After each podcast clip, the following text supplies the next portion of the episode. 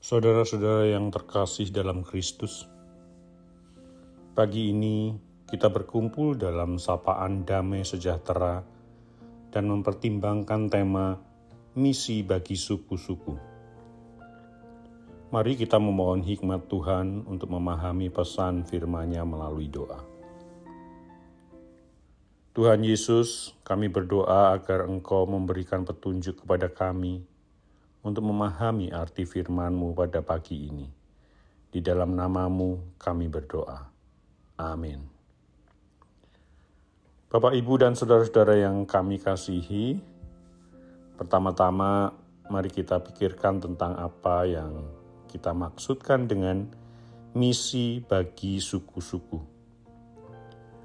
Banyak di antara kita cenderung menghubungkan ini dengan hanya membantu orang di desa atau daerah yang kurang berkembang. Namun, mari kita ingat bahwa suku-suku ini memiliki kekayaan budaya dan adat istiadat yang luar biasa. Mereka memiliki nilai-nilai seperti kerukunan, toleransi, kejujuran, dan ketekunan. Ada pelajaran penting yang bisa kita ambil dari kerjasama dengan suku-suku ini. Seringkali keberhasilan misi tergantung pada apakah kita benar-benar memahami dan menghargai budaya dan peradaban mereka. Sebaliknya, jika kita merendahkan mereka, upaya kita mungkin akan gagal. Pada intinya, kita harus menghargai kelebihan mereka. Kita tidak boleh memulai dengan pandangan merendahkan terhadap mereka yang hidup di daerah yang terpencil. Sebaliknya, mari kita fokus pada kekuatan mereka yang akan bersinar ketika kita berkolaborasi.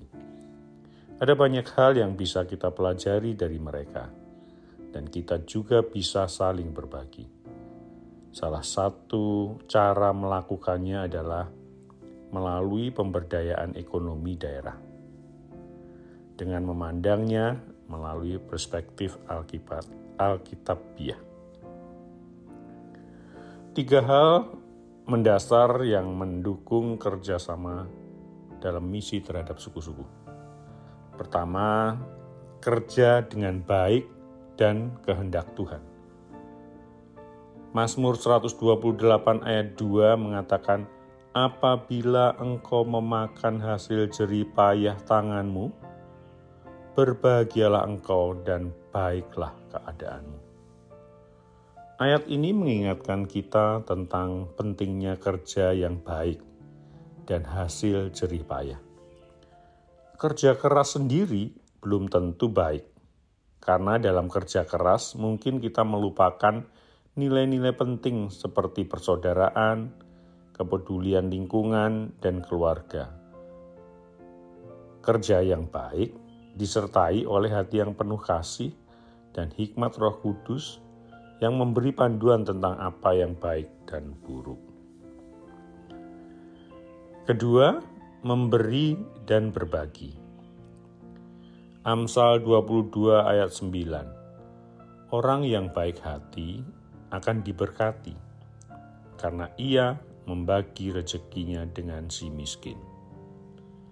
Ayat ini mengajarkan nilai memberi dengan tulus kepada mereka yang membutuhkan.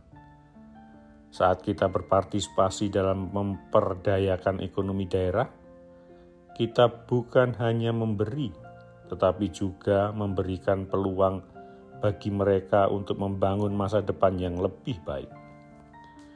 Kekuatan memberi akan terus meluas, menciptakan efek berantai yang positif di sekitar kita.